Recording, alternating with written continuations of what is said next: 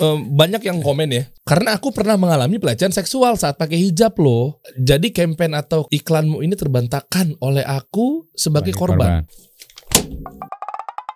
Kita kasih solusi. Nah ini nih, gue bawa orang ini guys. Silakan anda kalau mau hujat silakan. ini lagi rame banget Kang Iwang. Beliau direktur Rabani, lihat beritanya. Sebut wanita berpakaian terbuka bodoh. Video iklan Rabani kerudung di Instagram dihujat warganet. Wah parah, Pak Direktur. anda kenapa? Aduh, Gue ngeliat Masya iklan-iklan lu. Allah. Lihat iklannya Dan. Eh. Coba deh, buka deh. Buka deh iklannya. Coba lihat ya. Jadi yang viral ini nih coba videonya. Ulang bisa nggak ulang? Jadi video ini viral banget. Sampai tim saya nih eh, ngelapor. Hmm. Ternyata Pak ini lagi rame nih. Ya kan video kontroversi iklannya Rabani. Rabani ini kan dari tahun 94. Gue udah tahu lah ya. 94, ya. Iya kan? Habis itu gue ngeliatin, kan gue udah orang marketing juga. Wah iya ganas nih kontroversinya nih. Iya kan tuh. Jadi eh, Eh. gimana? Ulang bisa nggak? Di di di dia ya, lu nonton sendiri lah guys ya. Tapi intinya adalah nah eh, intinya wanita yang berpakaian terbuka akan mengundang seorang pria yang berniat buruk berpikiran buruk. Oke, lalu next. Tuh wanita sehendaknya menutup atau menggunakan pakaian tertutup. Oke. Nah, tidak memberikan kesempatan untuk pria yang berpikiran jorok. Ini emang video yang ini ya? Bener ya? Betul betul. Bener ya? Betul. Pria seharusnya menjaga dan meminimalisir pandangan yang mengundang syahwat. Pria yang salah atau wanitanya yang bodoh? Wah, ada-ada aja Kang Iwang, Kang Iwang. Hmm, jangan bikin malu Kang Emil nih kayaknya. Bandung nih. Gimana sih Masya ceritanya nih? Jadi memang Kan pemerkosaan Eh. terjadi katanya di berita ini. betul kalau kalau berbicara di sini kan sebetulnya dari sisi konten tersebut itu kita nggak tendensius bahwa kita memojokkan korban pelecehan seksual ya. Hmm. Karena walaupun berbicara data pun memang salah satu ya faktor yang menyebabkan pelecehan seksual itu berpakaian terbuka. Sebentar, kan ini- sebentar. Betul. Data dari mana nih? Ini data ada nih, saya bawa data makanya Oh, saya bawa. ngobrol itu ini udah udah udah eh, plus data-datanya data dari statistik ya catatan Kom- Komnas HAM perempuan Coba, coba, sampai coba. nah ini Oh. nah ini kan dari eh, faktor yang eh, menyebabkan salah satunya itu bahkan eh, di tiga besar itu yang ketiganya itu ya tadi salah satunya perempuan berpakaian terbuka Wah, Anda pembenaran Ya. kali ini. Itu Coba di cek ya. bisa dicek datanya Coba tuh, cek ya. Ini data- bawa data loh Kang. Iwang loh. Ya, ini Pak Direktur Rabani nih. Rabani kerudung coba ya. Jadi eh, kan eh, banyak yang komen ya soal ini nih. Ya. Tuh, ini Popi di Harjo siapa nih? Centang biru lagi, gue belum lagi. siapa? Padahal dia juga nggak terkenal ya? banget mungkin. padahal followerannya Banyakan gue, Popi. Kok lu bisa? Eh, Oke lah, lanjut. Eh. Kalau dari sudut pandang saya yang orang bodoh, sorry. Kalau dari sudut pandang saya yang orang komunikasi dan advertising, oh beliau mengklaim Eh. seperti itu ya. Eh, Yang bikin konten ini bodoh. Anda diledekin langsung. Karena alih-alih memberikan informasi seputar pelecehan seksual yang faktual, data banyak kok yang bisa kalian akses. Jangan malas, malah ngalor ngidul bahas siapa yang salah. Kalau anak bayi umur 7 minggu diperkosa sampai meninggal, coba boleh. Yang salah siapa? Anak bayi yang pakai diapers. Kok jadi ke mana-mana? Ini Anda yang salah, nggak nyambung komennya. Nggak paham lagi sama konten-konten kayak gini pembodohan publik. Akunnya siapa sih? Coba buka deh. Buka akunnya. Nggak, nggak serius. Gue nggak tahu, makanya gue pengen tahu. Oke. Apa isinya? Kok jadi disangkut pautin ke bayi? Ini kan Betul. konteksnya yang yang yang sudah eh, eh, terkena pelanggaran syariat kalau dia buka aurat. betul Ini kan konteksnya bayi lu lu ukur Iya. gimana sih orang bayi itu memang belum ada hukum dia terbuka Betul, aurat atau betul. segala macam. Coba lihat ke bawah ke bawah ini akunnya apa sih? Pelakor janda gatel. Coba boleh lagi, boleh lagi, boleh lagi. Coba Waduh, lagi. astaga. Eh, enggak, ntar di di blur aja. Coba coba next aja next. Enggak, gue penasaran. Apa sih? Enggak, misalnya pengen tahu kira-kira eh kontranya datang dari mana. Tanpa harus membentur-benturkan ya. Boleh lagi, boleh lagi. Ini salah satu SJW. Hmm. Siap. Anda ternyata. Oke lah, nggak heran lah ya. Jadi gini, data coba gue cek ya, Kang. Boleh boleh Oke, hmm, jadi kan ada yang bilang juga pasti kan gara-gara eh, laki-lakinya yang salah, iya ya kan? Eh, terus juga ada yang bilang juga pasti kan di komen kan tadi gue baca-baca. Ya kalau gitu percuma dong. Wanita menutup jilbab, eh menutup aurat dengan jilbab maupun dia pakai nikop atau cadar juga ada tuh di pesantren-pesantren malah ada pelecehan seksual, Betul, betul. ya kan? Pasti penyerangannya begitu kan? Coba gue, gue, Pasti nih ke sana. Kang Iwang bawa data nih, gue buka dulu nih, data statistik dari mana tadi? Eh Itu dari berbagai sumber ada menjelaskan. eh, catatan Komnas Perempuan 2020. Tidak adanya kenyamanan yang pertama nih ya. Ada eh, pemerkosaan terjadi lah atau tingkat sek- eh, pelecehan seksual ini. Yang pertama data terbesar 75,8 persen. Tidak adanya keamanan di tempat tersebut. Oke setuju. Baru bawahnya nomor 2 71,5 persen. Genit, centil, suka menggoda. Mengundang sendiri ya. Oh, berarti anda ya perempuannya berarti ini ya. Si oknum ini ya. Lanjut, yang ketiga 69,2 persen menggunakan pakaian terbuka. Hmm. Yang keempat suka foto dengan pakaian seksi. Yang kelima tidak bisa menjaga dirinya sendiri. Mana nih yang pihak laki-lakinya nih? Pasti kan yang kontra kan eh, berpikir bahwa laki-laki juga salah dong gitu kan. Iya, iya betul, betul. Lima- 51 yang berikutnya yang kelima tidak bisa menjaga diri sendiri. Yang keenam sering keluar malam. Yang ketujuh lemah tidak bisa melawan minta tolong. Yang kedelapan kurangi kurangi informasi. Sembilan tidak adanya aturan pemerintah. Sepuluh tidak menggunakan kerudung. Lah yang dari pihak dari laki-lakinya nggak ada ya? Nggak ada sebetulnya kalau di data itu. Tapi di data yang lain ada. Kalau dari yang terdekat itu, ya pelecehan ter- eh, seksual itu terjadi dari pacar justru. Yang paling pertama itu. Di data ini juga ada. Ada. Ya nih mana eh, penyebab terjadinya pelecehan seksual. makanya Nah. Islam melarang pacaran lu ngeyel pacaran aja kerjaannya haram bro mana nih kekerasan terhadap perempuan di Indonesia di, Kor- di, Hah? di data yang ini nih, yang ada datanya itu tentang ngebahas yang eh, kekerasan seksual coba lihat di mic. dari orang yang terdekat. Hmm. Tapi kan memang nggak bisa dihakimi bahwa oke lah ini gue coba objektif ya Betul, Kang. Betul. Eh, Nggak semuanya bisa disalahkan kepada si wanita yang Betul. buka aurat kan. betul, Sebetulnya bisa juga disalahkannya kepada pria yang mata keranjang, betul. pria yang otaknya mesum, Betul, omes, betul. otak mesum. Nah ini salah satu. Nah, Ini kan yang terbesar itu pelecehan seksual dari orang terdekat itu kan orang terdekat Oh, iya. pacar ya. Kekerasan terhadap ini menurut Tempo loh. Iya. Tempo.co kekerasan terhadap perempuan di Indonesia. Oke, korbannya em, oke, jadi korban laki-laki 3.300, korban perempuan 10.000. Oh, Iya. juga ya. Nah, yang pertama adalah dari pacar. Yang kedua ayah kandung, naudzubillah. Yang ketiga paman. Yang keempat ayah tiri. Dan seterusnya. Oh, kakak kandung, kakak ipar. Oh iya pacar. Iya. Aldan Anda pacaran nggak? Oh enggak bagus. Coba cek WhatsAppnya. Oh iya. Tapi gimana menyikapi seperti ini? Yang komen-komen nih ada juga nih. Iya. Putri. Research bun sebelum posting. Seenggaknya kalau brand kerudung fokus aja branding yang bagus. Nggak usah victim blaming. Waduh. Dan ngerendahin orang yang nggak pakai jilbab juga. Kagak kreatif Aduh. banget heran. Emang ngerendahin? ya?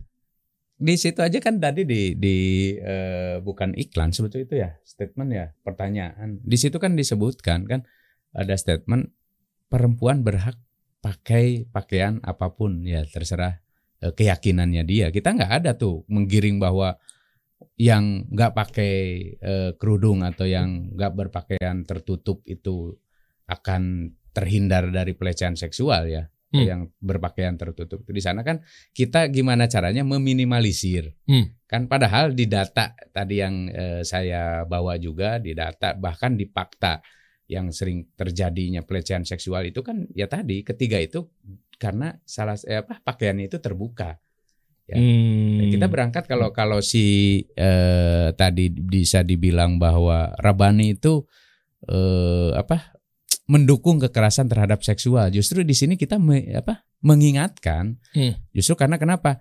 Karena faktanya di lapangannya itu ya terjadinya itu pelecehan seksual tadi yang eh, di data itu yang disebutkan. Ya, yang pertama ya karena tidak adanya keamanan di tempat tersebut kan. Hmm.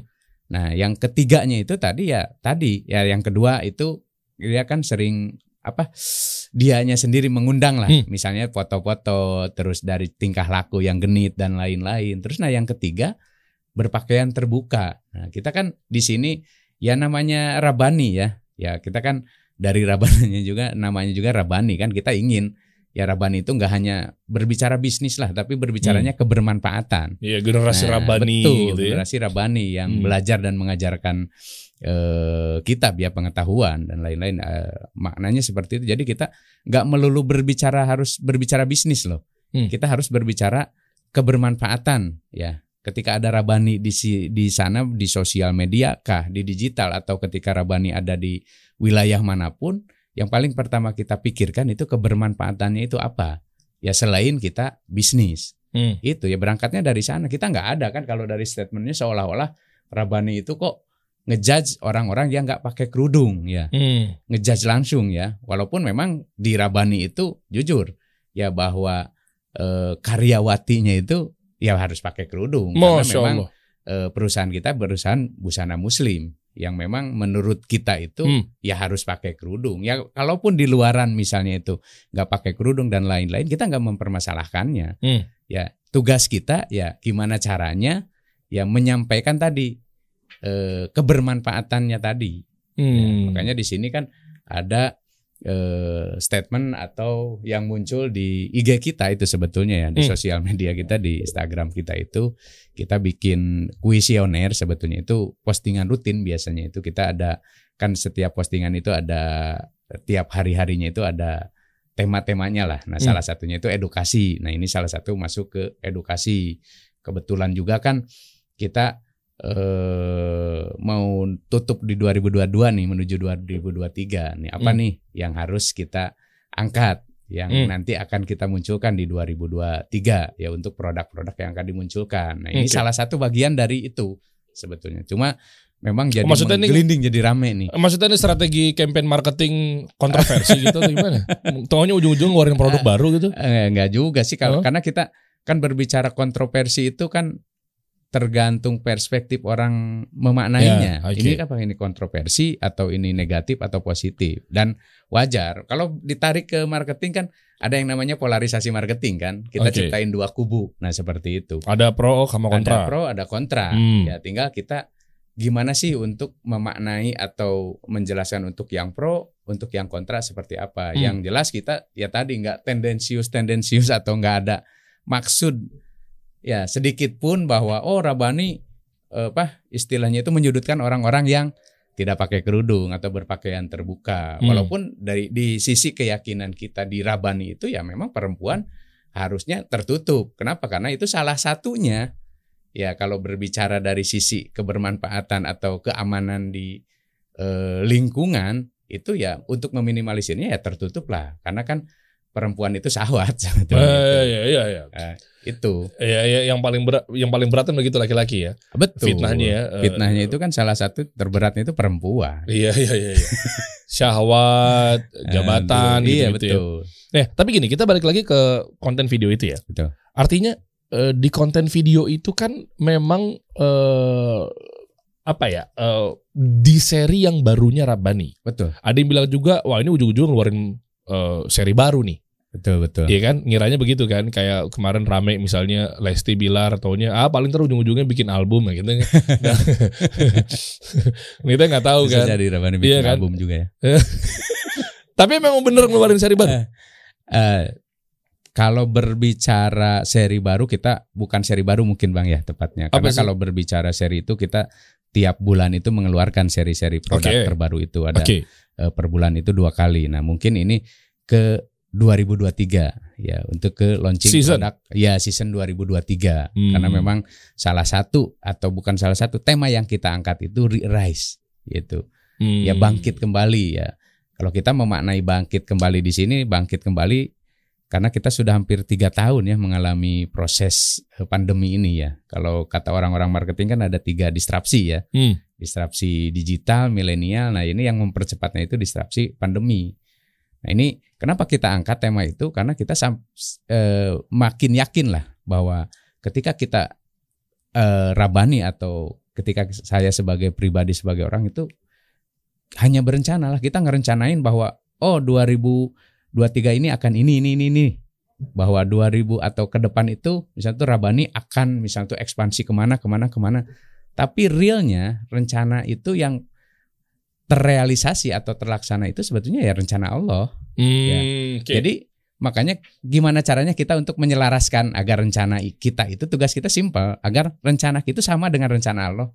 Ya, menyelaraskan rencana kita itu eh, sama dengan rencana Allah karena yang akan terjadi itu rencana itu ya rencana Allah. Hmm. Ya seperti halnya pandemi ini kenapa saya eh, atau Rabani mengangkat tema Re-Rise di 2023 itu karena kan eh, 2023 itu kalau berbicara dari sisi ekonomi kan akan gelap dan lain-lain justru kita memaknainya itu kebangkitan kembali karena ya tadi ketika 2000 2000 ya tahun 2020 ya Hmm. ketika pandemi itu Maret itu kan kita rencananya itu di 2000 eh 2019 ya 2020 pandemi itu 2020 Iya, ya. 2020. 2020 Awal. kan Maret ya 17 Maret Iya. itu diumumkan bahwa Covid masuk ke Indonesia itu dari Januari sampai Maret sebelum diumumkan itu kita sudah sesuai rencana tuh di 2020 tuh ke target itu kita sudah growth-nya sudah oke dan lain-lain kan pede lah istilahnya itu. Tapi kalau Allah berkehendak Iya, lain nah gimana? itu tadi makanya Hmm. kita dengan keyakinan kita dengan kepedean kita itu dengan rencana yang sudah kita susun dengan sempurna lah bisa Hmm. dibilang di Oke. sisi kita itu. Ternyata kan Allah nggak susah. Dikasih pandemi walaupun musuhnya kita nggak tahu pandemi atau covid itu kayak gimana sih bentuknya tapi Hmm. kan bisa tiga tahun selama tiga tahun itu kan kita babak belur Nah, Iya, makanya di 2023 itu kita temanya rise ya untuk bangkit kembali lah bahwa kita tuh tujuan itu jangan terlalu muluk-muluk lah tugas kita mah hanya tinggal selaraskan rencana kita dengan Oke. rencana Allah nah itu kan karena rencana Allah yang pasti akan Iya, iya. terjadi Gini, gini Kang. Gitu. Eh, kalau ngomongin bangkit kembali, artinya Hmm. kan eh, apakah bangkit kembali harus menyinggung eh, Nah. pihak eh, pihak-pihak tertentu kayak terkait bilang eh, wanita yang nggak pakai jilbab bodoh kah gitu kan? Eh, iya, Meskipun itu bertanya ya. iya iya Apalagi betul. di depan ada kata kalau gue sebagai eh, orang media atau jurnalis memang ngamatin copywriting, narasi dan seterusnya gitu ya. Memang itu kan sebenarnya perumpamaan juga ya di situ ada betul eh, jika terjadi pelecehan seksual, betul Eh, terus juga ujungnya juga ngasih diskusi bertanya jadi Iya. siapa yang bodoh gitu kan Eh, sebenarnya sih jujur ya kalau lihat dari sebatas narasi it's okay versi gue lu nggak setuju terserah tapi intinya ketika ditarik lebih objektif menyikapi hal tersebut Mm-mm. wajar pada teriak mereka Betul. gitu artinya gini eh k- kenapa campaign mau ngeluarin satu eh, eh, apa ya campaign tentang bangkit kembali tapi menyinggung beberapa pihak-pihak yang memang dia mungkin nggak pakai jilbab Betul. dikatakan bodoh jadinya rame gitu kan apakah memang ternyata campaign tersebut berisikan tentang nantinya di tahun ini akan banyak lebih banyak dakwahnya misalnya Oh, nah iya. kayak gitu gitu kan mengundang. Em, gimana tuh maksudnya? Terkait kita fokus dulu sebentar baru ntar kita bahas mengenai apakah data-data eh apa namanya di wilayah-wilayah bagian tertentu yang memang ternyata banyak pelecehan seksual di Betul, di betul. daerah mana apa segala macam. Mm. Oke. Campaign Eh, mengenai campaign. Mengenai campaign itu betul sih Hmm. sebetulnya Kal- eh, karena kan ketika kita akan meluncing sesuatu atau atau mengeluarkan produk apalagi kan ini kita untuk eh, mengkomunikasikan untuk satu tahun ke depan yaitu Hmm. 2023 Oke. makanya kan kita launchingnya pun terakhir kemarin tuh di tanggal 30 tuh Mhm. Kenapa di di tanggal 30 di Oke. eh, Trans Hotel. Nah, Hmm. itu nah memang si postingan ini tuh sebelum-sebelumnya karena kan orang marketing tahulah ketika kita mau meluncing sesuatu kan ada free event, pre-launching, Hmm. ada launching, ada post launchingnya kan. Wih, murid tegang dewa nih kayaknya. Murid Ya kan? tegang dewa nih. Produk Karena- launch Dynamite kayaknya nih. Ah ya bisa jadi sih. terus terus. Nah, itu kan eh, ada tahapan-tahapannya yang Hmm. kita lakukan ya. Nah, cuma di ketiga tahapan ini kan ya tadi kalau ketika kita berbicara rabani itu nggak hanya ber, ber- apa melulu berbicara bisnis lah. Oke. Ya dari setiap apa pun yang kita plurkan atau yang kita eh, publish, kita deliver ke eh, audien itu harus eh, ada sisi kebermanfaatannya khususnya untuk ya untuk ada pengingatnya lah. Walaupun misalnya itu pengingatnya enggak eh, terlalu eh, berdampak keluar ya minimal untuk orang-orang atau untuk rabaninya sendiri lah. Nah makanya Hmm. setiap konten pun harus eh, kita pikirkan itu apa nih yang eh, bisa mengingatkan orang, reminder orang itu untuk ya tadi eh, Kebaikan, apa, kebaikan, aurat. dan- aurat dan lain-lainnya. Nah itu salah satunya itu ya Hmm. bikinlah konten ini masa sih kenapa sih yang munculnya kok kesannya pelecehan apa mendukung katanya atau menjudge eh, atau menyudutkan yang dilecehkan. Makanya kan statementnya ke mana-mana tadi sampai ke anak bayi di bawah-bawah nggak pakai baju. Terus sampai ke bahasanya itu bahwa kok banyak juga sih yang pakai apa pakaian tertutup terkena pelecehan seksual? Ya kalau head to head dibandingkan kan yang masih tetap lebih besar yang terbuka sebetulnya ya. Dan ketika yang tertutup pun misalnya itu adanya pelecehan seksual, ini ada apa nih? Apakah ada penyakit dari si orang yang melecehkannya? Kan nggak melulu. Ini kan berbicaranya itu Hmm. mengundang gitu kan. Hmm. Seolah-olah menarik orang untuk yang tadinya nggak mau melakukan pelecehan seksual jadi melakukan. Loh, tapi kan bisa Nah. ini adalah faktor dari si pemerkosanya atau mungkin si Betul. pelakunya. Betul, Ini nggak kan misalnya dia matanya mata ke mana-mana tuh, otak jorok, otak Betul. mesum, Eh, gimana tuh? Itu kan kita nggak bisa me- apa menilai bahwa seseorang itu mesum, jorok dan lain-lain ya. Eh, enggak, tapi artinya maksud saya eh, ketika ini terjadi pelecehan, Mm-mm. enggak melulu gara-gara si wanitanya buka aurat dong. Iya betul. bisa betul, jadi si betul. laki-lakinya memang eh, dianya eh, nggak bisa nahan syahwat misalnya. Iya betul. Ya faktor, iya oke, sepakat. Iya. Faktor dari pemantiknya pasti gara-gara pakaian mini, terbuka ya. terbuka, dan pahanya ke mana-mana, Iya. maaf bokongnya ke mana-mana gitu kan, pakai Iya. tank top dan seterusnya misalnya. Tapi keluar bukan di eh, depan mahram atau suaminya misalnya, pakai pakai betul. buka aurat. Eh, itu kan gimana tuh? Eh, eh, mungkin gara-gara rame kayak gini, gara-gara menyudutkan satu pihak doang kali. Enggak, karena di sana kan di, di disebutkan ya di eh, di apa di statement iklannya juga. Ini bukan berarti saya membenarkan ya, lebih Hmm. ke membuktikan atau melihat dari sisi eh, si videonya atau si iklannya. Mm. Ya si eh, iklan yang kita Coba coba, yang mana ini Coba. maksudnya mana? Nih. Yang mana Kan coba? di- kita nggak melulu di sini menyalahkan perempuannya yang terbuka. Di situ kan kita menyebutkan juga ini bisa jadi ya Oh ini ini ini. Nah, kesempatan pria Nah ini eh, kan, nah Pira sih harusnya menjaga dan meminimalisir pandangan dan mengun- yang mengundang syahwat. Hmm. Oh ini yang dimaksud tadi. Nah, Pria yang salah atau wanita yang bodoh? Iya, nah ini kan ketika kita berbicara si eh, prianya, Hmm. si prianya kan kejahatan ketika kejahatan itu terjadi ketika ada kesempatan. Hmm. Ya, terlepas dari apakah kan kita banyak tuh yang kejadian-kejadian ada eh, laki-laki yang eh, mohon maaf ya petisnya itu misalnya tuh ke anak kecil atau ngelihat perempuan berhijab. Hmm. Ya, tapi itu kan penyakit satu atau kasus tertentu. Nah, Oke. ini, ini maksud di eh, di di eh, video ini atau yang kita munculkan itu kan kebanyakan karena kan fitrah si laki-laki itu kan salah satunya itu ya ya itu tadi perempuan itu kan ya. Iya. Harta, iya, berarti kan tahta. kalau memang ternyata laki-laki yang lebih banyak datanya atau perempuan yang lebih banyak? nah Oh, perempuan meskipun Kalau- pasti kalau data perempuan ya? Iya, Oke. perempuan. tapi kan ada juga laki-laki mungkin ada. laki-laki yang nggak bisa eh, nahan kan? Betul. Hmm, bisa juga dong. Iya, betul, betul sekali. Karena itu kan untuk meminimalisir ya. Ya salah satu karena di di data pun tadi kan sudah di- Hmm, dibuka tuh bahwa salah satu penyebab terbesarnya itu ya dua besar tiga besarnya itu kan Mau Ya, iya. diakibatkan oleh si perempuannya itu sendiri. Kita nggak menghakimi bahwa ah perempuannya yang salah atau menyudutkannya. Enggak, ini kita berbicara fakta, justru kita reminder, yuk kita sama-sama jaga Oke. agar kesempatan atau tindakan pelecehan itu diminimalisir lah karena kita kan nggak bisa langsung bahwa oh dengan pakaian tertutup akan hilang misalnya itu pelecehan seksual enggak karena ya tadi fitrah laki-laki khususnya ya ketika melihat eh, kalau berbicara ke perempuan ya lihat perempuan terbuka dan lain-lain oke lah ah itu mah pikirannya aja mesum atau Mhm. dan lain-lain kita nggak bisa memprediksi bisa jadi misalnya itu saya atau bang Dery sendiri Eh, kan kalau menurut orang oh nggak mungkin bang dari kegoda atau dan lain-lain tapi Ya, setan tapi kan, kan, lebih iya setan kan lebih eh, ini bukan lagi. lebih unggul dibanding kita ya, tapi dia kadang lebih suka cerdik iya, ya. lebih cerdik kita Hmm, iya. mensiasati kalau orangnya seperti ini siasatnya pakai apa dan lain-lain Oke, tapi gini, eh, Kang, nggak takut kalau dengan campaign-campaign dengan narasi, video promosi Ya. dan seterusnya ini malah dicapnya Anda sebagai kadrun, radikal.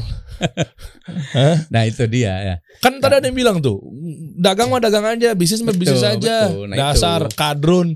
Sampai sekarang pun juga gue gak ngerti lagi maksudnya kadrun apa. iya sama gue juga sering sekali disebutin Hmm, kadrun cuma gitu. kadang-kadang ketika kita terlalu ngebahasnya itu ya lebih ke sisi kalau berbicara keyakinan-keyakinan saya Hmm. ya yaitu Islam itu sendiri ketika saya- kita memunculkan keislaman kita itu kadang-kadang kok digiringnya itu ah lu nggak nasionalis nggak kad, eh, apa kadrun lah dan lain-lain padahal kan nasionalis atau eh, radikal itu apa pun kan bukan dari apa yang kita munculkan identitas kita kan bukan Hmm. berarti jangan sampai ketika bahwa yang dikatakan nasionalis dan lain-lain itu yang harus menghormat bendera setiap hari dan lain-lain atau hanya ucapan gue paling Pancasila. Coba kan dengan tindakan ya Hmm. dengan apa yang kita lakukan. Nah, bisa dicek lah di story Rabani atau di sosial media dan lain-lain kenapa kita nggak melulu berbicara bisnis? Ya tadi sesuai dengan ya tadi kalau dikaitkan dengan orang branding itu ya, ya bahwa dari mulai kita bikin apa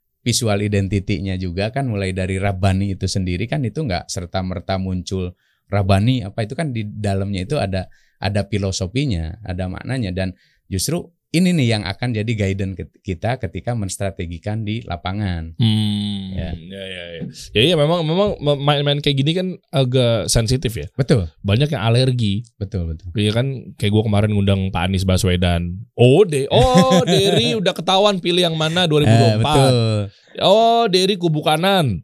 Oh, Derry kadrun. Pak Anies Arab, Derry Eh. jenggotan. Berarti Derry ke arah parapan. Semuanya lu kasih tahu ke gue. Gelar gue banyak. betul betul. Mantap. Iya Padahal kan? nggak dia nggak ngecek ya kontennya seperti apa. Nah, Justru itu. itu. yang makanya ini kasih solusi kan. Justru kasih solusinya ini yang harusnya dibahas bukan masalah siapa lu. Iya, dan dia juga nonton sampai habis biasanya. betul. Iya kan? Nah, Betul eh, betul. eh, nah ini juga lagi rame nih. Coba deh. Tuh, Lia yang kasus video uh, promosi Rabani tadi ya. Ini masih rame Iya. banget di komen. Eh, jadi banyak kasus pelecehan di pesantren yang notabene pada pakai pakaian rapat itu gimana? Rapat tuh maksudnya kali ya. Iya. Apakah wanita itu disebut bodoh? Pelecehan gak ada hubungannya dengan pakaian. Nah ini. Nah, eh, Tapi bener loh Kang. iya ada. ini ada. bukan gue belain mereka ya. Iya, gue betul, pernah betul. ngundang eh, ada dua santri waktu itu ya. betul betul. Eh, dia akhirnya buka suara. Cek aja di video kasih solusi yang Betul, santri betul. buka suara gitu lah.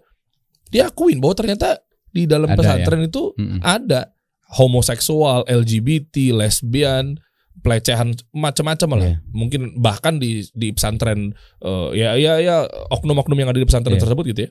eh, ada yang merkosa Betul. santrinya apa segala macam. Nah, berarti gimana tuh? Ya ini ini kalau kalau kita tanggapi walaupun ya ini udah udah ke mana-mana sebetulnya ya. Hmm. Nah sebetulnya kan kita juga nggak nggak bisa bahwa mengatakan bahwa di pesantren itu bersih atau misalnya di sekolah atau di mana pun ya Hmm. pasti ada lah.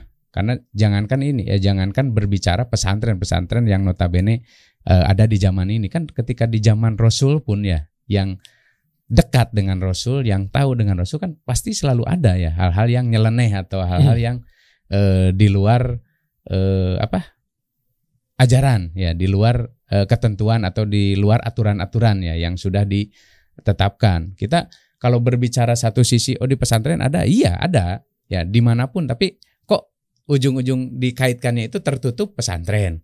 Ya, Ah, digiringnya itu ke sana. Padahal kan di Ya, ya. lembaga-lembaga lain ya, bahkan di pesantren, di lembaga pendidikan atau di mana pun itu ada pasti ya. Tinggalnya tadi makanya dengan campaign itu ini loh cara-cara untuk meminimalisirnya. Kalau cara-cara yang kita munculkan itu yang nggak sepaham atau nggak sependapat ya jangan dipakai.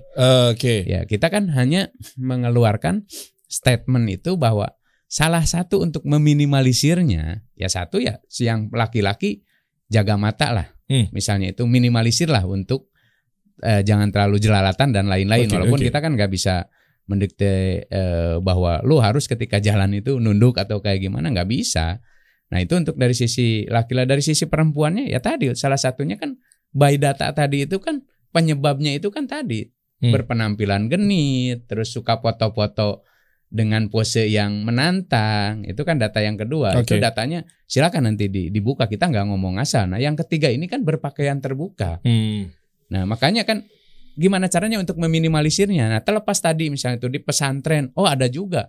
Ya memang pasti ada, cuma kan berapa banyak di pesantren dengan yang di tadi di tempat umum atau di tempat-tempat Oh. itu. Eh, tapi gini, kalau kita ngomongin terkait sama eh, oke lah di ini nih netizen udah udah ke mana-mana nih sebenarnya satu dan kedua juga netizen juga jadi jadi ngalur ngidul ya Betul, tapi betul. intinya gini nggak apa-apa kita kita pancing dan kita ikutin aturan main dia betul. kita kita geledah ya Iya iya iya. bareng-bareng nih maksudnya saya juga di sini kacamatanya objektif mungkin Hmm. saya nggak di pihak Rabani dan juga mungkin saya juga nggak di pihak netizen saya insya Allah mungkin punya pendapat sendiri lah ya tapi bu- bukan berarti pendapat saya juga benar gitu ya kita cek aja gini kan netizen jadi ke mana-mana yang komen tentang oke kalau gitu pakaian ini tertutup berarti ada di pesantren tapi pesantren juga terjadi pelecehan seksual Betul.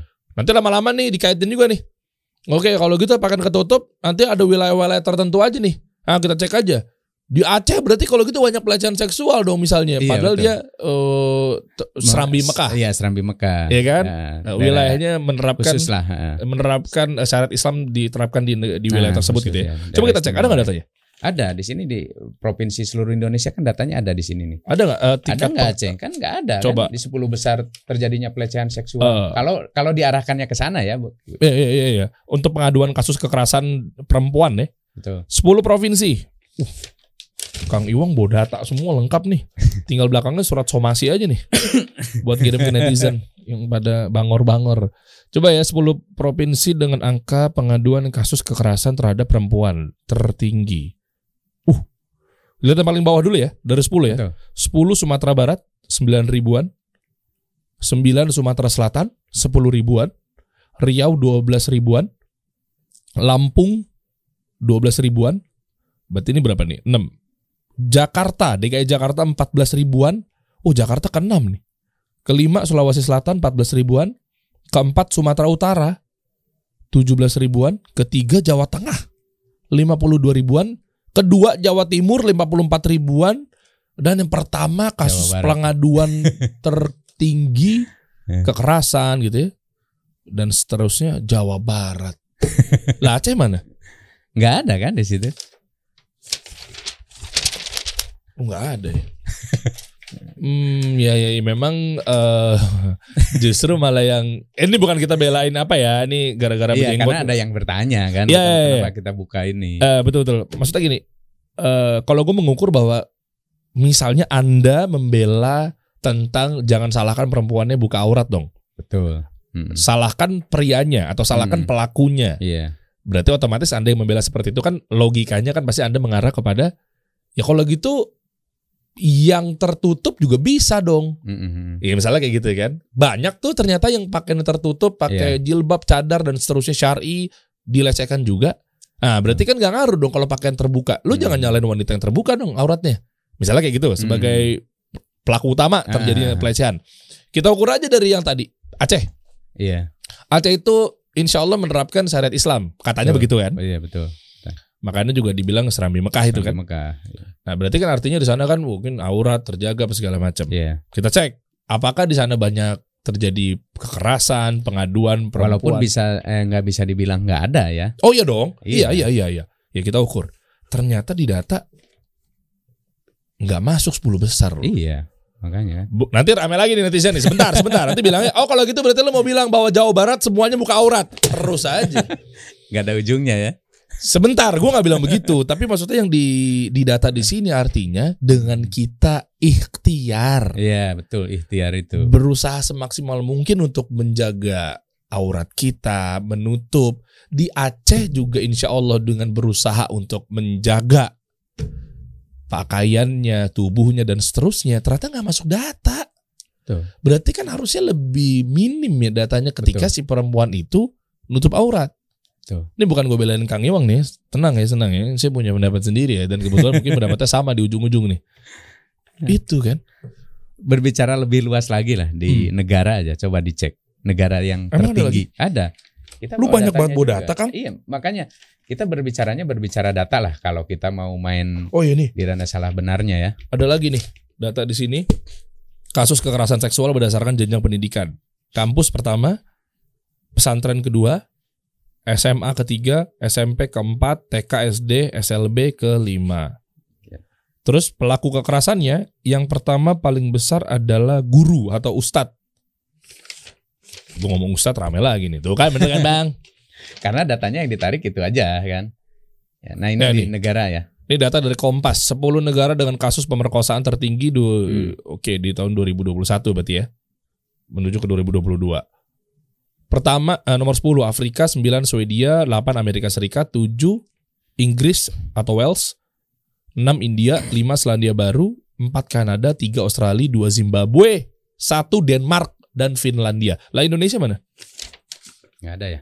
Alhamdulillah negara Islam berarti nih bener nih terbukti negara Muslim karena masih banyak juga yang menutup aurat. Tuh, makanya kan untuk meminimalisir itu kan ya tetap harus dilakukan ya. Hmm, Salah oke. satunya ya tadi dengan pakaian tertutup ya. pakainya Rabani mau bilang gitu kan Anda. Anda salah masih malu-malu. Anda masih malu-malu. Nanti diserang lagi. Oh berarti kalau pakai rabani nggak akan diperkosa dan lain-lain kan? Nggak ada ujungnya. Kadang juga gue Makanya mikirin saya mikirnya tuh kalau oh pakai rabani ya, anti pemerkosaan kan rame lagi. capek juga ya ngadepin Aduh, mereka ya. Betul. Makanya Sekalian aja lu bikinin tagline. eh, Ya, Rabani anti diperkosa. ah, gitu lama-lama. Hah? Biar yang nyinyir makin Eh, nyinyir. betul betul. Makanya tadi lah eh, ketika kita berbicara sebagai orang marketing nih kan Bang Dery juga tahu lah karena memang eh, ada di sana Hmm. kan. Jadi kita itu nggak bisa menyenangkan semua orang bahwa kita tidak bisa semua orang itu jadi marketnya kita atau Iya. beli produk kita. Yang mending kita berfokus di niche market kita aja. Oh iya. Makanya yang tadi yang nyerang atau apa pun ya tujuan kita untuk awareness dulu lah untuk engage dulu siapa tahu setahun dua tahun ke depan ketika ingat kejadian Hmm. sekarang dulu sekarang menghujat nanti bisa jadi kan Oh, Masya beli Allah. produk Rabani Masya Allah. Disebut kita lagi. berpikir positif aja lah Iya iya iya. Tapi Iya. bener juga sih ya. Maksudnya kalau dipikir-pikir lu yang ngujat lu kan nggak harus beli Rabani juga. iya Kenapa lu ra- saya what dia yang punya konten. Iya sih? Betul Enggak kalau gue pikir-pikir begitu ya. Rabani yang bikin konten, Rabani yang syuting, dia yang menyampaikan tentang eh, kebaikan. Kenapa lu yang panas ya? Iya kan, maksudnya gitu ya. Lu nggak beli juga nggak apa-apa, nggak maksa. Nggak ada Betul. di peraturan fatwa MUI lu wajib beli Rabani sih. iya betul kita nggak nggak maksa intinya kan Ya, ini ada yang komen lagi nih. Sasa. Tobat lu Rabani jika lelaki dilecehkan sesama lelaki atau lelaki kok jadi bahas kayak laki sama laki gini? Bentar, bentar, bentar, bentar. tobat lu Rabani jika lelaki dilecehkan oleh sesama lelaki atau lelaki dilecehkan oleh wanita. Apa mau nyalain bajunya juga? Makanya pakai Rabani jangan pakai Erigo. Dia udah nyensor gue nyebut. Dia udah nyensor gue nyebut. Kuat juga ya brand Erigo ya Kok sampai bela-belain gue bisa sebut dan karena sempat sempat ramai juga kayaknya Ah. Oh berarti kalau mau rame, eh kalau mau terkenal mesti rame dulu ya? bisa jadi Apa begitu maksudmu? Sakit nih marketing. Wah lu, nih bosnya nih gue datengin nih. Ngomong dia sama bosnya Sasa. aduh Lakon lu Sasa, gue laporin lu sama Royko. Tuh, iya kan nyalain bajunya juga. Lu jadi ke mana-mana. iya mak- Maksud makanya gua, hmm, coba gue mau masuk ke pemikirannya Sasa nih. Uh, gue nggak menyetujui LGBT-nya tapi eh itu gimana tuh Kang? gimana misalnya perempuan yang lecehin laki-laki, laki-lakinya kan pakai normal tuh. Kayak Iya, gue nih betul. misalnya pakai fatkera gitu kan, celananya dan seterusnya gitu. Itu Kan- gimana ya? kalau berbicara pelecehan seksual tadi kan ditata juga nggak hanya eh, korbannya perempuan, ada juga laki-laki. Hmm. Cuma secara prosentase itu kan jomplang lah, Hmm. ter- eh, lebih banyak kan si perempuan ya. Dari 14.000 data pelecehan seksual itu kan hampir 10.000, 11.000-nya itu perempuan, Hmm. nah sisanya laki-laki. Nah, kalau berbicara eh, saya sebagai eh, orang Islam kan itu udah dari dulu juga udah udah udah di eh, riwayatkan dibrohkan ya. Hmm. Kan apakah kisah Nabi Yusuf itu yang Oh, yang motong Ah, tangan beliau. Iya, Terus karena yang ketampanan deh. betul Hmm. ya di ketika di karena ketampanan dan lain-lain itu dilecehkan sampai mau di apa di bu, apa Iya, ya bukan di- diperkosa ya di- istilahnya itu itulah, di, apa ya di- di- yang robek baju Iya. belakangnya ah, kan hmm. itu ada Cuma kan kita, nah ini kalau kalau ngebahas saya misalnya itu saya eh, jelasin lagi nih ngebahas ke ini, ini makin ke mana-mana. kan? Sebentar Kang, Anda kalau ngomong begitu justru malah Anda memancing amarah lagi nih. Sebentar, sebentar. Ini Iya. coba gue telusurin ya, bukan gue belain netizen nih. Tadi Anda bilang katanya karena Iya. udah ada kisahnya Nabi Yusuf Hmm. sampai uh, ada seorang perempuan yang terkesima ngeliat ketampanan beliau Iya, alaihi iya, salam tiba-tiba langsung lagi motong sesuatu sampai jarinya kepotong. betul, Ganteng banget deh, eh salah motong nih gitu kan. betul, betul. Anda kalau ngomong begitu, Anda malah makin diserang. Berarti Anda tetap bela di laki-laki dong logikanya. Harusnya berarti Anda mau betul. Anda harusnya mau ngomong gini kan? Harusnya perempuan berarti jaga pandangan. Tuh. Iya, betul. Ayo, berarti Anda Karena kan belain ini- pelaku, ini belain laki-laki. Ya sebetulnya kan di, di pertanyaan itu kita makanya ada pertanyaan apakah mungkin yang yang eh, yang jadi awal apa pemantiknya itu mungkin dari kata bodohnya ya. Hmm. Karena kan eh, statement atau pertanyaan kita ketika eh, itu terjadi si pelecehan seksual apakah perempuannya yang bodoh atau laki-lakinya yang salah. Oh. Di situ kan kita nggak nggak menyalahkan bahwa laki-laki benar. Kan itu saya menanyakan bahkan di eh, video-video statement awal itu kan disebutkan juga seharusnya sebagai laki-laki itu ya jaga pandangan lah, meminimalisir. Ketika kan biasanya eh, untuk yang mengundang-mengundang syahwat bagi laki-laki itu kan ketika dia ke tempat-tempat yang memang tempatnya ya di sanalah berkumpulnya eh, apa perempuan-perempuan terbuka terus dengan eh, gaya hidupnya dan lain-lainnya. Ya minimalisir janganlah ke apa mendekatinya dan lain-lain. Kan di awal di- disebutkan seperti itu gimana cara untuk meminimalisirnya Oke, si berarti laki-lakinya pun. Ya maksudnya Kang Iwang ini adalah dua-duanya harus kontrol. Iya, kontrol dua-duanya. Karena nggak nggak bisa kita nggak nggak apa menyalahkan eh, bahwa perempuannya ya salah lah. Kenapa lu pakaian terbuka? Terus laki-lakinya benar nggak seperti itu laki-lakinya juga kan di pertanyaan itu ya Oke. salah juga Oke, statement Ya, ini kalau- berarti nggak menyebutkan bahwa laki-laki yang benar. betul cuman nah itu Oh, dari soalnya awal tadi mungkin- gara-gara cerita Nabi Yusuf tadi, oh berarti iya kan nggak. Anda melambangkan bahwa Anda sangat membela laki-laki dan pelaku. Nah, itu dari eh, statement per apa tadi siapa Sasa tadi kan? Iya, iya, iya. Terus gimana dengan yang LGBT atau lain-lainnya kan? Atau yang eh, apa eh, si laki-lakinya? Makanya saya tadi lah dulu saja sudah ada kejadian bahwa perempuan yang melakukan pelecehan seksual terhadap laki-laki Oh. hanya untuk menjelaskan itu. Jadi Makanya perempuannya nggak goda apa segala macam masuk di data juga tuh. Betul. Yang dari kisah Nabi Yusuf tadi. Iya, Oh. ada juga yang laki-laki dilecehkan oleh perempuan kan di Iya, data pun iya. ada. Nah, itu hanya untuk ke sana ada kalau ditarik ke siapa yang salah atau Rabani menyalahkan perempuannya atau si korbannya dari awal kita nggak ada. Masa sih kita bisnis yang notabene misalnya tuh Rabani berbicara pakaian muslimah Hmm. dominannya walaupun ada juga pakaian eh, laki-laki sama Hmm. untuk anak dan lain-lainnya. Nah, masa sih sampai ke arah sana justru kita ya tadi ketika kita berbisnis tuh nggak melulu dong berbicara bisnis. Ya kalau Iya. hanya berbicara bisnis saja profit profit profit nggak bakalan ada ujungnya capek. Mas, Ya. Betul. Makanya kita harus berbicara juga kebermanfaatan dong. Hmm, ya ya ya. Uh, rame nih. nggak bisa habis ya. Iya kalau berbicara komen. Nida, pendapatku sudah tidak lagi berminat membeli produk Rabani. Uh, karena aku pernah mengalami pelecehan seksual saat pakai hijab loh. Jadi campaign atau iklanmu ini terbantahkan oleh aku sebagai korban.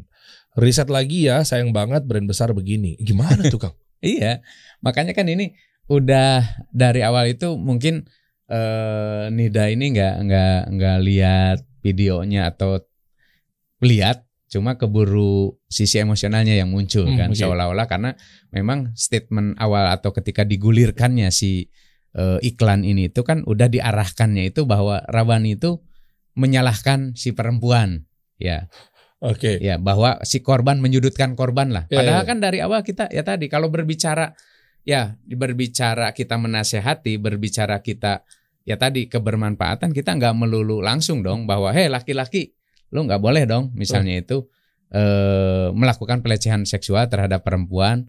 Eh perempuan juga jangan melakukan untuk Ya. itu dan minimalisirlah untuk laki-laki yang jelalatan kan tinggal seperti itu justru ketika kita bikin ya namanya juga kita berbicara ranah eh, bisnis ya ranah marketing ya harus kita pilih-pilih dong biar mana sih yang bisa memantik atau memancing orang memperhatikan apa Hmm, yang kita pelurkan bahkan kan eh, apa perumpamaan yang kita pakai di sini itu kan perumpamaannya itu eh, perempuan yang eh, berpakaian terbuka dan lain dan dari sisi bahasa laki-lakinya eh, kita umpamakan misalnya itu yang mata keranjang dan lain-lain. Hmm, hmm. dan ketika menjelaskan dengan perumpamaan dan eh, apa gaya bahasa seperti itu kan orang lebih tertarik untuk melihat atau untuk berhenti dulu dong ada stopping powernya di di di sini itu. Hmm. Nah kita tujuannya ke sana walaupun berbicara nanti ujungnya apakah ke konversi atau ujungnya nanti ke be- apa Sales. ke bermanfaatan Oh. ya itu eh, dua-duanya bagi kita itu yang kita eh, inginkan di bisnis ini. Oh, Oke. Oke. Ini kalau kita lihat dari Nida nih, Kang, ya. Eh sepertinya keraguan Kang Iwang juga tadi eh, terjawabkan juga yang tadi. Karena Ya. kalau pakai Rabani berarti nggak diperkosa gitu kan. Iya iya. Gitu aja terus netizen. Tapi Iya. lihat deh statement deh. Sorry Nida ya, lu ketemu orang jurnalis jadi kita kritisi saya pribadi nih. Jadi kayaknya eh, Anda jujur komen Anda salah. Mohon maaf nih Nida nih. Mungkin coba belajar lagi ya. Lihat deh. Pendapatku sudah tidak lagi berminat membeli produk Rabani. Berarti kan tidak lagi itu berarti dia pernah beli produk Rabani. Betul. Oke? Clear ya? Karena aku pernah mengalami pelecehan seksual saat pakai hijab loh. Jadi campaign atau iklanmu ini terbantahkan oleh aku sebagai korban. korban. Dibilang gua terbantahkan nih. Gua beli Rabani dan gua udah gak mau lagi. Gara-gara semenjak gua pakai Hmm. ini kan hijab, Mm-mm. gua kena pelecehan seksual. Iklannya terbantahkan. Sebentar. Emang ada undang-undang dan dalil mana nih Nida? Ketika lu pakai Rabani, lu nggak ada potensi dilecehin gitu. Mohon maaf. Bener Betul. juga yang tadi kan Iya. ente bilang Kang. Nggak ada urusannya. Kenapa lu jadinya kayak seakan-akan lu nyesel beli Rabani karena gua Iya. kena pelecehan seksual. Anda yang riset lagi, riset lagi ya, sayang banget brand besar begini. Anda riset lagi, kenapa Anda bisa dilecehkan? Yang pertama, qadarullah wa masyafa'al. Dan yang kedua, cek. Sudah benar belum memakai? Aduh. Oh. Anda jual jilbab kecekek nggak di Rabani? Kan kalau jilbab kecekek atau enggak kecekek kan tinggal usernya itu. Hmm. Ya, jilbab Rabani bisa dibikin. Makanya di Hmm. kita itu disebut jilbab kado tadi ya. Jilbab Kena- kado. Kado. Jadi kan kayak dipita-pitain, perintil-perintil. Selang- Nyelangsong sini, nyelangsong sini. Betul. Nah, Oh. dan kita nggak bisa kan, oh bawa jilbab atau kerudung Rabani nggak boleh digituin. Enggak. Ya, ya monggo. Cuma kalau di pakem di kita itu bisa dicek lah, bisa di ini kan. Ya salah satunya itu tadi kita nggak mau hanya berbicara bisnis, kita berbicaranya ya tadi ada sisi edukasinya.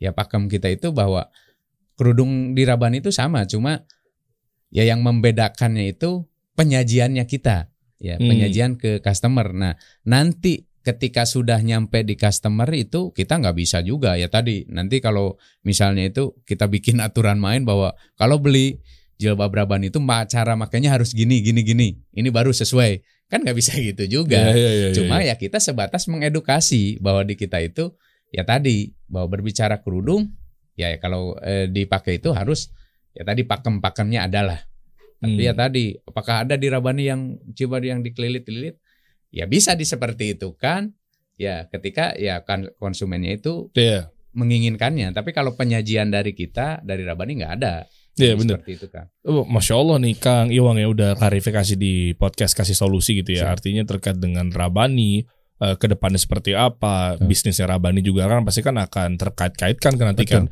khawatir mungkin ke sales. Makanya di sini Kang Iwang nih gue hadirkan teman-teman untuk mengklarifikasi semuanya biar Betul. clear. Jangan sampai lu malah kemakan. Maaf, mungkin yang komen buzzer. Jangan sampai lu Hmm. kemakan, maaf, mungkin yang komen haters yang nggak suka. betul Dan lebih parahnya lagi, maaf, jangan-jangan lu kemakan kompetitor yang menggunakan budget marketing untuk buzzer.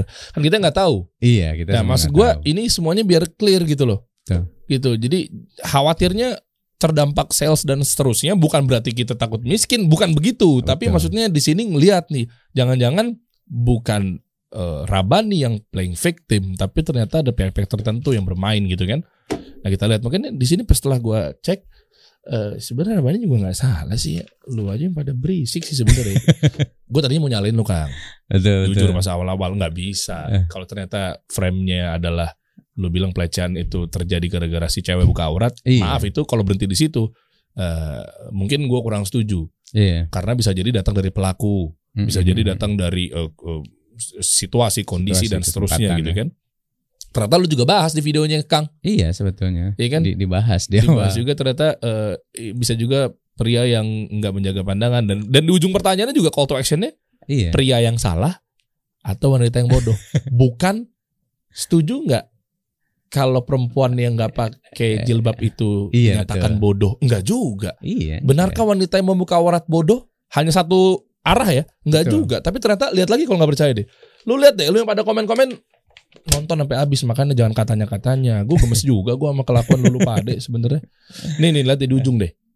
Lihat deh. Nih wanita hendaknya tuh tidak memberikan kesempatan untuk pria yang berpikiran jorok. Oke. Ya, ini gue pengen ulang-ulang terus nih biar teman-teman paham nih. Pria seharusnya menjaga dan meminimalisir pandangan. Tuh. Pria yang salah atau wanitanya yang bodoh? Dua-duanya pada lu tanya ya? Iya, betul. Tadinya gue pikir lu cuma bilang setuju nggak kalau wanita yang buka aurat dibilang bodoh? Ah itu selesai. Iya, loh. betul. Rabani selesai udah. Misal gitu ya.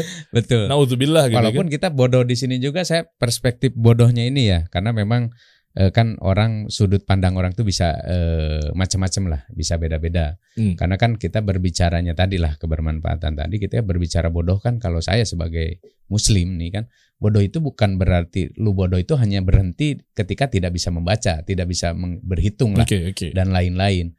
Tapi kan berbicaranya itu eh, bodoh di sini itu kan lu udah udah udah tahu bahwa lu itu ketika terbuka itu memberi kesempatan lebih besar orang untuk eh, melakukan Iya. pelecehan seksual. Ba padahal ya kalau kita berbicara sesuai ya berbicara kerudung kan mohon maaf ya Hmm. eh, berbicaranya muslim ya Hmm. yang pakainya itu walaupun kan nggak menutup eh, buk ada misalnya di luar muslim atau Islam karena kebutuhan kebutuhan cuaca dan lain-lain Ya. pakainya untuk kerudung itu kan bodoh di sini itu kan udah dijelasin padahal udah jelas kan Hmm, ya bahwa ya pakailah pakaian yang tertutup ya. Oke. yang menutup aurat dan lain-lain. Bodoh bodoh dalam artian ke sana. Sebetulnya bukan bodoh generalis eh, apa menjenari apa mengeneralisir bahwa perempuan tidak berkerudung perempuan terbuka itu bodoh ya. Kan ya kalau di luar keyakinan Islam bahwa membolehkan terbuka dan lain-lain atau ada yang membolehkan terbuka dan lain-lain itu terlepas dari itu Iya. kan. Kita nggak nggak semuanya. Jadi ini jangan sampai kok bodoh. Padahal kan saya sampai mikir gini lagu yang viral di TikTok itu yang lagunya runtah tahu nggak ya Runtah apa? Yang, eh, lagunya- saya udah gak ngikutin lagi begitu ya begitu. yang Runtah yang apa itu sih? kan itu bahasa Sunda sih lagunya cuma jadi viral di TikTok itu Oh. yang eh, Oh saya sih paling ngerti sekali bahasa Sunda tuh Kang. Yang mana tuh kalau lu tahu? udah Itu kan udah runtah gue nggak tahu. Ternyata iya, lagunya bahasa jadi Sunda. sampah, sampah runtah itu Oh runtah jadi kan sampah. mengibaratkan Lagunya sampah. itu iya judulnya tuh sampah cuma dia lebih ke eh menyindir perempuan. Ya kenapa sih banyak perempuan nakal itu wajahnya cantik? Padahal kelakuannya kayak sampah. ah Oh. kayak gitu. Itu kan kok kenapa perempuan itu kan eh, pakaiannya terbuka? Ya intinya ke sana lah. Itu lebih lebih tendensius lagi. Oh, iya. dan lain-lain ya gonta ganti cowok dan lain-lain. Itu kan kok mungkin ya di sisi lain saya juga ambil positif. Oh mungkin ini Rabani yang ngomong kali. Bukan itu. Mungkin Eh, yang nyanyi nggak pakai jilbab, nah makanya nggak diserang. Kan yang diserang bisa, yang pakai jilbab betul sama mengangkat identitas Muslim, ya kan? Iya, radikal, Betul. ekstremis, jenggotan, teroris, udah terus aja begitu. iya Kadrun. betul Hmm, ya ya ya. Oke lah, ini pokoknya udah clear di sini tapi gue mau tahu lagi sebenarnya di ujung Betul. obrolan adalah Rabani dari tahun 94 sampai sekarang revenue per Dua- tahun berapa? Untuk Insya memotivasi teman-teman. mungkin bisa eh, dihitung sendiri kali ya Heeh, berapa tuh? Eh, ketika kita awalnya hanya punya atau hanya ngampar di depan masjid sampai sekarang alhamdulillah Oh. sudah 156 toko, 15 eh, bunker bangunan kerudung itu yang sekelas hipermat lah. Hmm? Ya one stop shopping sampai reseller kita ada 7.600-an lah. Alhamdulillah itu ya tinggal dikalikan Bang. itu revenue. Seperti apa? berawal dari ngemper di depan di masjid. depan masjid. Siapa owner? Masjid Almanar. Iya, owner kita awal perintisnya, Foundernya founder nih. kita, foundernya itu. Perintisnya ya. Iya, foundernya itu mulai Oke. dari ngampar setiap eh, ada pengajian, kajian atau jumatan itu dia ngampar jualan buku-buku Islami. Eh, ya kebetulan sampai berkembang ya mulai sewa tempat bukan ruko lah. Jadi kios lah, kios terus berkembang eh ke jalan eh, Dipati Ukur. Terus alhamdulillah sekarang eh, udah 153 outlet ya di seluruh Indonesia. Terus dengan reseller itu, reseller itu di kita namanya Biro Binaan Robani itu ya keagenan lah. Itu hampir eh bukan hampir 7.600-an lah. Izin Kang, boleh Ya. saya ngeluarin kalkulator sakti saya? Pengen tahu, biar memotivasi dan menginspirasi teman-teman. Eh, iya betul betul. Dari sekian banyak yang udah dilaluin kan jatuh bangun ya. Iya betul. Sempat pernah terpuruk-terpuruk kok sangat pernah. sangat terpuruk Oke. sempat. Awal-awal merintis, sekarang 2023 dibuka dengan hantaman lagi dari netizen. Iya betul. Iya kan? Netizen dan para kaum liberal mungkin kan? Iya kan coba kita cek dulu ya. Ah, mungkin berapa kira-kira omset eh, sehari penjualan? Eh, sebulan penjualan? Sebulan itu aduh bingung saya kalau disebut di sini. Eh, berapa triliun deh gitu aja. Capek saya. Hah? Yang penting bisa dilihat sendiri nanti diserang lagi kalau saya bilang Apa? oh percuma eh apa oh pantesan dia ngomongnya sembarangan ketika ngiklan karena omsetnya sudah sekian kan diserang lah